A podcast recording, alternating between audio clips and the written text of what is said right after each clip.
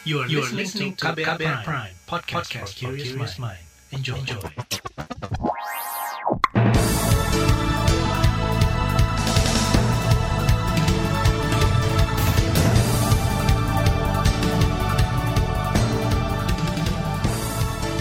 Selamat pagi saudara, inilah Buletin Pagi edisi hari ini 19 Januari 2020, saya Reski Mesanto.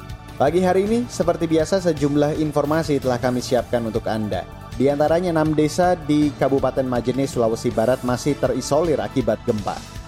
Pencarian korban pesawat Sriwijaya Air diperpanjang dan Kejaksaan Papua selidiki dugaan pengadaan beras fiktif. Dan saudara inilah Buletin Pagi selengkapnya. Terbaru di Buletin Pagi. Enam desa di Kecamatan Ulumanda, Kabupaten Majene, Sulawesi Barat hingga kini masih terisolir dan belum tersentuh bantuan. Enam desa itu adalah Desa Sambabo, Kabiraan, Tandealo, Ulumanda, Popenga, dan Desa Panggalo. Desa-desa tersebut masuk daerah terdampak gempa magnitudo 6,2 dan longsor beberapa waktu lalu. Koordinator Relawan Kemanusiaan Fakultas Teknik Industri Universitas Muslim Indonesia Makassar, Zakir Sabara mengatakan, korban gempa yang ada enam desa itu sangat membutuhkan bantuan. Dari enam desa yang terisolasi di Ulu Banda, dua yang bisa diakses sekarang, yaitu desa pertama dengan desa Kabiraan. Sebelum masuk desa Kabiraan ada longsor. Longsor tadi eh, teman-teman pakai eskapator diangkut pakai eskapator menyeberang menyeberang jalan setelah itu uh, ada jalan kaki ada naik sepeda motor. Setelah desa Kabilan ada lagi tanah longsor. Jadi mohon pemangku kepentingan untuk mendrop logistik melalui helikopter. Karena sampai sekarang menurut keterangan warga kami adalah relawan pertama yang masuk ke sana. Zakir mengatakan bantuan mendesak yang dibutuhkan para korban antara lain kebutuhan untuk anak bayi dan balita, Kebutuhan khusus perempuan seperti pembalut dan susu formula. Kebutuhan mendesak lainnya adalah alat berat untuk membuka akses jalan agar memudahkan distribusi bantuan. Saudara, keluhan sama juga disampaikan relawan lain yakni Dahri Dahlan. Kata dia, ada dua kecamatan di sekitar perbatasan Mamuju Majene, Sulawesi Barat yang hingga kemarin masih memerlukan logistik bantuan. Dua kecamatan itu yakni Malunda di Majene dan Tapalang di Mamuju uh, sembako, uh, perlengkapan tidur, tenda, terpal, segala macam, selimut, pakaian dingin, perlengkapan per, uh, pembalut wanita, kemudian uh, untuk ibu menyusui, balita, segala macam. Uh, terutama juga sembako apa pun yang bisa dimakan, Mas. Terutama itu yang paling dibutuhkan. Karena ini masih terlalu butuh mereka soal itu. Dari Dalan menjelaskan sejumlah warga di Kecamatan Malunda memilih mendirikan tenda seadanya di kebun Jaraknya cukup jauh dari jalanan dan pusat kota sehingga beberapa dari mereka tidak terjangkau bantuan. Beberapa warga bahkan sudah mulai terserang penyakit. Dari meminta pemerintah menyisir daerah-daerah terpencil yang terdampak gempa, sebab dari pantauannya masih banyak korban gempa yang belum mendapat uluran bantuan. Sebelumnya, Menteri Sosial Tri Risma ini mengaku bantuan logistik dari pemerintah sedikit terlambat dikarenakan jalur utama menuju lokasi bencana terputus akibat tertutup material longsor. Risma menyebut bantuan bahan pokok bagi korban bencana di berbagai daerah, salah satunya gempa bumi di Sulawesi Barat terkendala akibat faktor alam. Menteri Sosial Tri Risma hari ini mengatakan, distribusi bantuan logistik dari pemerintah terus dikebut ke daerah-daerah terdampak bencana. Sementara Badan Nasional Penanggulangan Bencana atau BNPB mengerahkan tiga kendaraan helikopter untuk mendistribusikan bantuan bagi korban gempa bumi di Majene dan Mamuju, Sulawesi Barat. Deputi Bidang Pencegahan BNPB Lili Kurniawan mengatakan, helikopter dikerahkan untuk mengirimkan bantuan pada warga yang terjebak di tempat-tempat terisolasi. Pagi tadi sudah menjangkau empat desa ya yang ada di Kabupaten Majene untuk kemudian memberikan dukungan dan bantuan. Sore ini juga sudah eh, kita sampaikan juga bantuan-bantuan melalui helikopter. Deputi Bidang Pencegahan BNPB Lili Kurniawan menyatakan pemerintah Provinsi Sulawesi Barat juga sudah membuat posko-posko pengungsian dan memastikan kebutuhan warga terpenuhi. Selain itu, BNPB dan Satgas COVID-19 juga berupaya mencegah potensi penularan virus di lokasi pengungsian. Dan hingga kemarin Badan Pencarian dan Pertolongan atau Basarnas telah mencari korban yang diduga masih tertimbun bangunan di 20 sektor terdampak gempa. Dan hasilnya ditemukan 84 korban meninggal akibat gempa. Petugas juga telah mengevakuasi 18 orang dalam kondisi selamat dan saat ini pencarian korban masih terus dilanjutkan. Saudara, distribusi bantuan juga dilakukan TNI Angkatan Udara kepada para korban terdampak bencana alam di Mamuju dan Majene, Sulawesi Barat, serta di Banjarmasin, Kalimantan Selatan. Kepala Staf Angkatan Udara atau KSAU Fajar Prasetyo mengatakan, ada 80 ton lebih bantuan yang dikirim, antara lain berupa tenda lapangan, alat medis obat-obatan, tenaga medis, bahan makanan, hingga peralatan dapur, dan bantuan logistik tersebut berasal dari Presiden, Kementerian Sosial, Basarnas, BNPB, Kementerian Pemberdayaan Perempuan dan Perlindungan Anak, hingga Panglima TNI. Kami terus menyiagakan kekuatan udara kami, baik yang terdiri dari pesawat Hercules, pesawat C-295, dan juga helikopter dari Lanut Halim, Lanut Abdul Rahman Saleh, dan Lanut Sultan Hasanuddin. Itu saja uh, yang dapat saya sampaikan. Kami menjaga kesiapan kekuatan untuk mengantisipasi apabila hal yang mungkin membutuhkan kekuatan udara. Itu tadi Kepala Staf Angkatan Udara atau KSAU Fajar Prasetyo. Pekan lalu, gempa bumi melanda Majene dan Mamuju, Sulawesi Barat. Akibatnya ribuan warga mengungsi, ratusan luka-luka dan 81 orang meninggal. Gempa juga merusak sejumlah infrastruktur serta akses jalan. Pemprov Sulawesi Barat menetapkan status tanggap darurat bencana. Sementara itu, saudara, Badan Meteorologi, Klimatologi, dan Geofisika atau BMKG menghimbau masyarakat meningkatkan kewaspadaan menghadapi multi risiko, baik dari aspek cuaca, iklim gempa atau tsunami yang semakin, terutama memasuki Januari, Februari hingga Maret 2021. Sejak Oktober 2020, BMKG telah mengeluarkan informasi potensi bencana bersamaan dengan perakiraan musim hujan. Bahkan sejak awal Januari 2021, sejumlah daerah mengalami bencana banjir dan tanah longsor akibat peningkatan curah hujan. Saudara Presiden perintahkan penanganan banjir Kalsel dilakukan secepat mungkin. Informasi selengkapnya akan kami hadirkan sesaat lagi. Tetaplah di Buletin Pagi KBR. You're listening to KBR Pride, podcast for curious mind. Enjoy!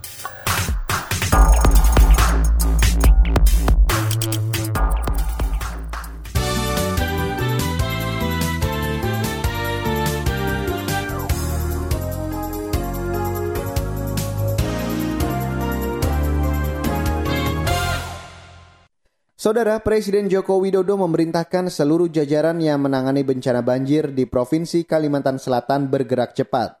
Jokowi memerintahkan agar tiga hal utama terkait penanganan bencana dapat diselesaikan, yakni perbaikan infrastruktur, proses evakuasi korban, dan pemenuhan kebutuhan logistik.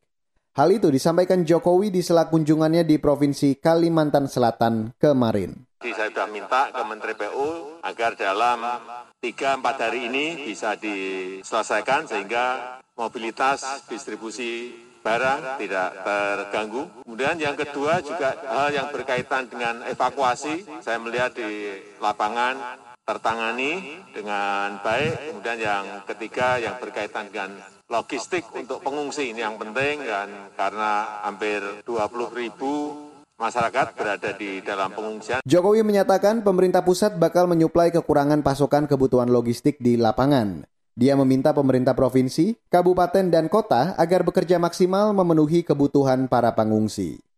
Jumat pekan lalu banjir melanda 10 kabupaten kota di Kalimantan Selatan. Sekira 40 ribu warga mengungsi dan 15 orang meninggal akibat bencana ini.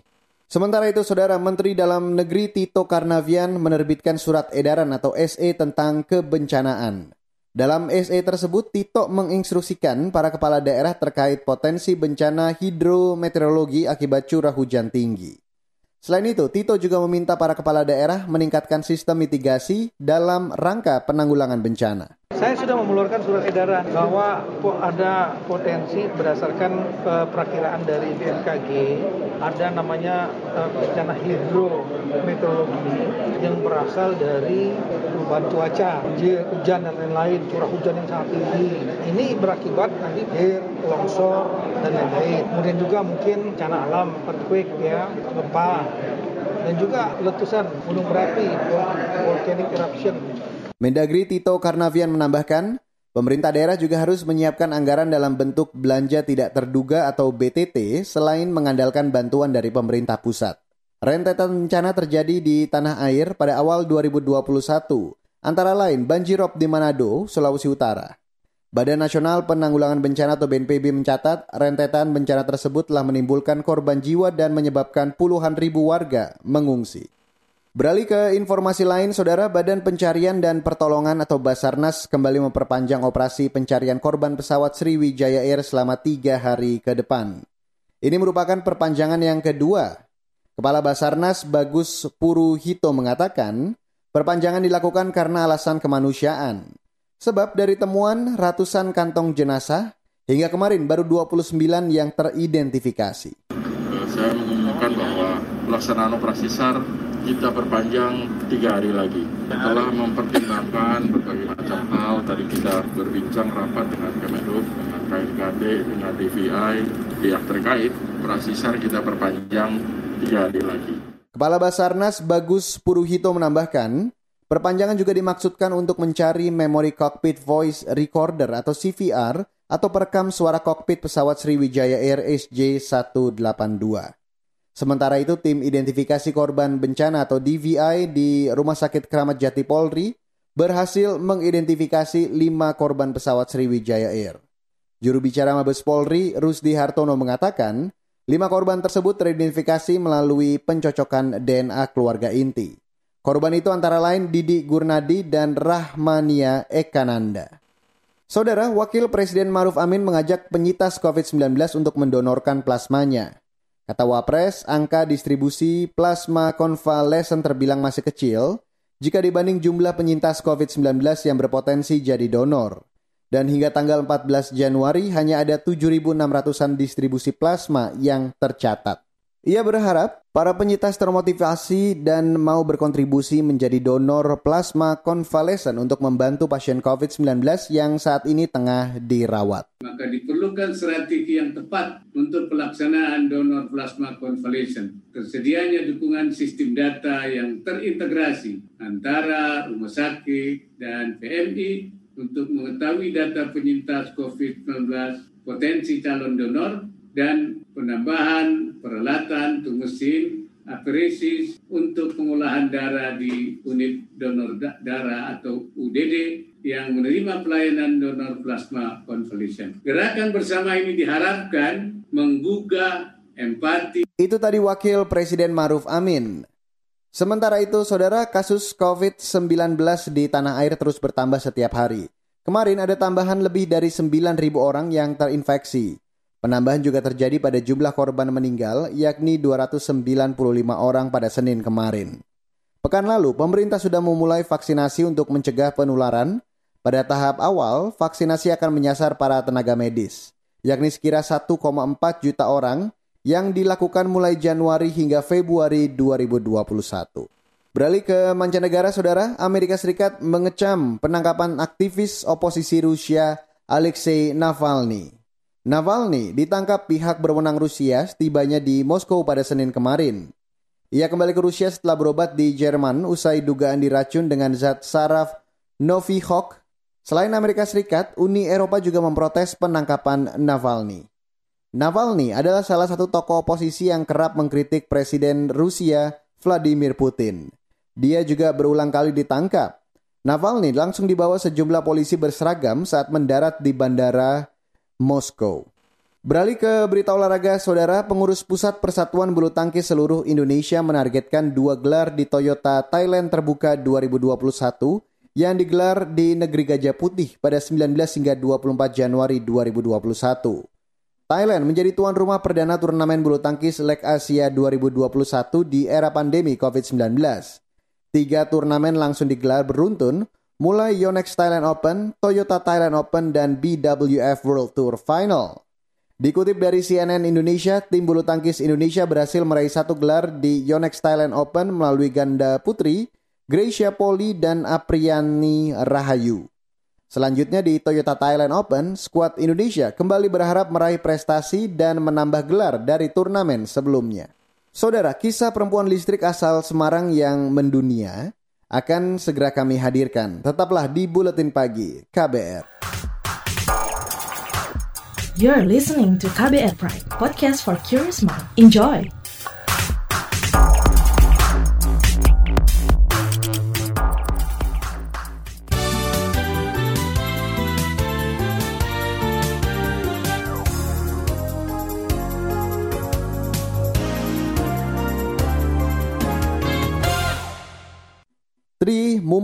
Kembali mendapat pengakuan dunia atas pengabdiannya di bidang pemberdayaan dan energi terbarukan. Ia masuk jajaran tokoh muslim berpengaruh versi The Muslim 500 pada 2020 lalu. Bagaimana kiprah dan perjuangannya? Simak laporan jurnalis KBR Valda Kustarini. Sebetulnya saya tidak pernah berpikir sedikit pun untuk mendapatkan julukan atau masuk dalam kategori itu. Kaget dan tak menyangka.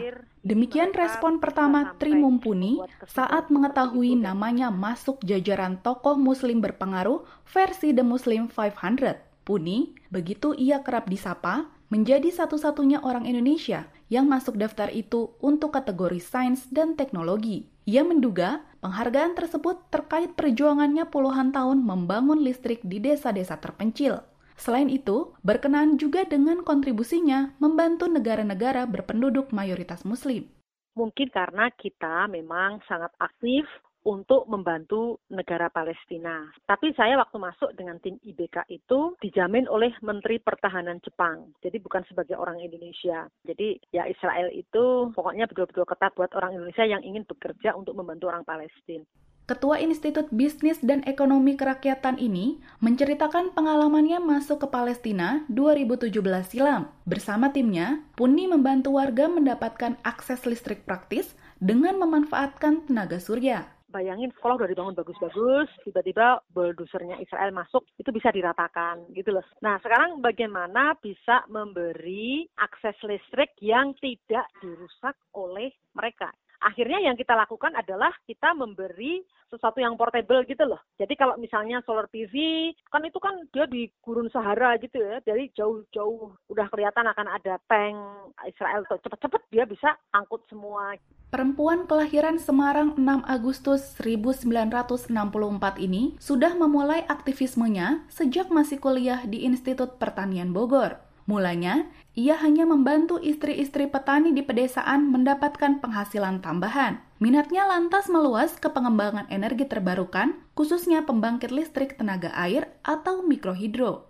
Saya itu belum lulus tingkat satu pun kenal dengan seorang ibu yang punya lembaga namanya Helping Hands. Itu ngajak saya di waktu-waktu kosong saya tidak ada kuliah, datang ke istri-istri petani untuk membantu mereka meringankan bebannya. Puncaknya itu kan begitu saya membantu suami saya justru bagaimana agar energi terbarukan, kebetulan mikrohidro ya, itu menjadi tulang punggung pembangunan ekonomi di desa.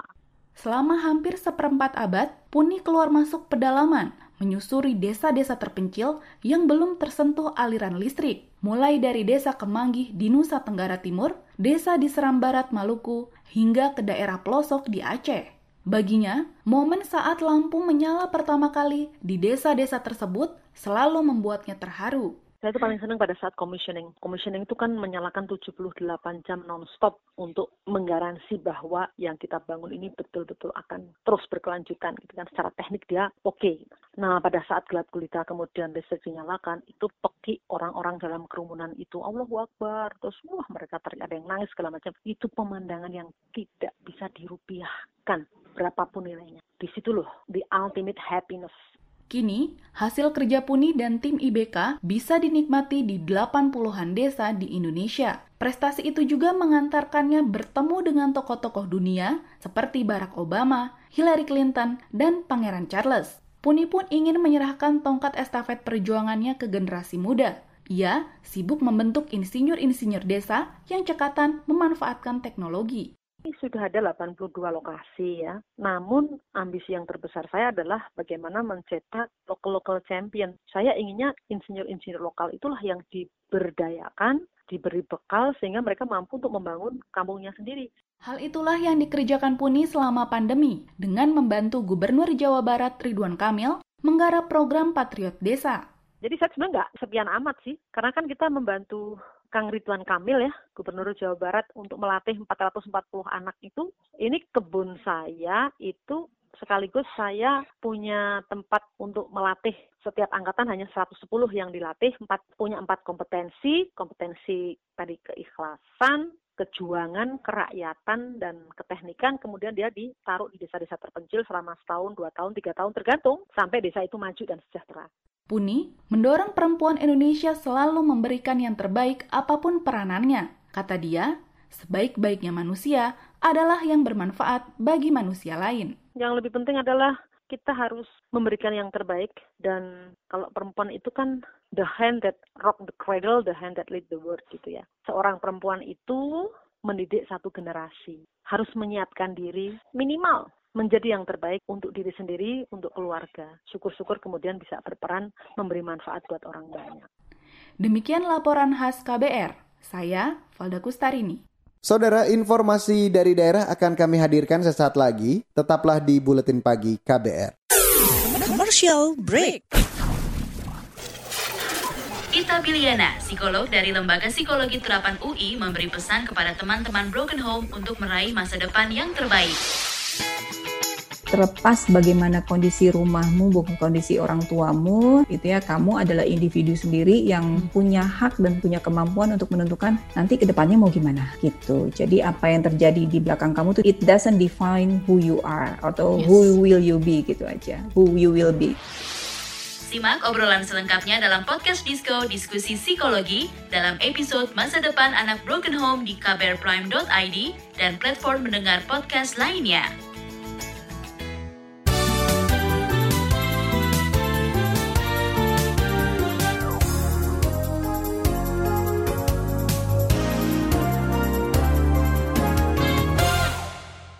Dan inilah bagian akhir buletin pagi. Saudara, ratusan rumah warga di enam kecamatan di Kabupaten Pidi Aceh terendam banjir, yakni Kecamatan Padang Tiji, Delima, Indrajaya, Mila, Pidi, dan Gelumpang Baru. Kepala Badan Penanggulangan Bencana Daerah Pidi, Dewan Ansari mengatakan, hujan deras mengakibatkan tiga sungai di kabupaten tersebut meluap dan menggenangi rumah warga. Karena kena hujan deras, jadi sungai debit air banyak nggak sanggup ditampung di sungai. Karena sungai itu kan ada penenggalan sekarang, karena banyak sampah yang dibuang masyarakat. Kalau jiwa kita belum dikirim lengkap kita, tadi data turun. Cuma yang ada jiwa pengungsi sementara itu di PD ada 185 KK. Ya. Kalau di Padang Tinggi ada 125 KK. Kepala Badan Penanggulangan Bencana Daerah PD Dewan Ansari mengatakan tidak ada korban jiwa dalam peristiwa banjir tersebut, namun ratusan warga yang tersebar di Kecamatan Pidi dan Padang Tiji terpaksa mengungsi. BPBD Pidi mengklaim telah mendistribusikan bantuan masa panik kepada warga terdampak. Saudara, kerugian negara akibat dugaan pengadaan beras fiktif di Kabupaten Nabire, Papua ditaksir mencapai miliaran rupiah. Hal itu diungkapkan Kepala Kejaksaan Tinggi Papua, Nikolaus Kondomo. Kata dia, kasus itu terjadi pada periode 2017-2018. Kasus ini bermula ketika Bulog Nabire melaporkan kepada Bulog Papua soal pembelian beras dari petani setempat sebanyak 100 ton lebih. Namun saat Bulog Divre Papua melakukan audit, ditemukan kejanggalan dalam laporan Bulog cabang Nabire. Mereka lantas melapor ke kejaksaan keterangan beberapa orang ter terkait dengan penguasaan di Bulog sendiri mengatakan bahwa belum ada pembelian dari Bulog. Ini kita melihat bahwa ada perbuatan melakukan dan indikasi perbuatan tindak pidana korupsi dan mengakibatkan kerugian negara. Kalau kita itu ada 10 miliar lebih. Kepala Kejaksaan Tinggi Papua Nikolaus Kondomo mengatakan, kasus dugaan pengadaan beras fiktif itu kini sudah masuk tahap penyidikan. Namun penyidik belum menetapkan tersangka dalam kasus dugaan pembelian beras fiktif itu. Saat ini penyidik masih mendalami keterangan para pihak, barang bukti dan sejumlah data sebelum menetapkan tersangka. Dan saudara informasi tadi menutup buletin pagi hari ini 19 Januari 2021 dan jangan lupa untuk selalu memantau informasi terbaru setiap jamnya di kabar baru dan situs kbr.id. Jangan lupa untuk follow juga Twitter kami di account at berita KBR serta podcast di kbrprime.id. Ingat, di mana pun Anda berada dan kapan pun selalu menerapkan protokol kesehatan pesan ibu 3M, menggunakan masker, menjaga jarak, dan mencuci tangan dengan sabun sesering mungkin. Tetap sehat di mana pun Anda berada, saya Reski Mesanto mewakili tim redaksi yang bertugas pagi hari ini. Kami undur diri, salam.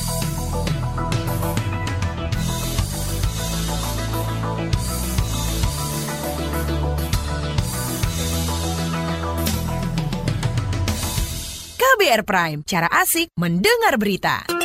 KBR Prime, podcast for curious mind.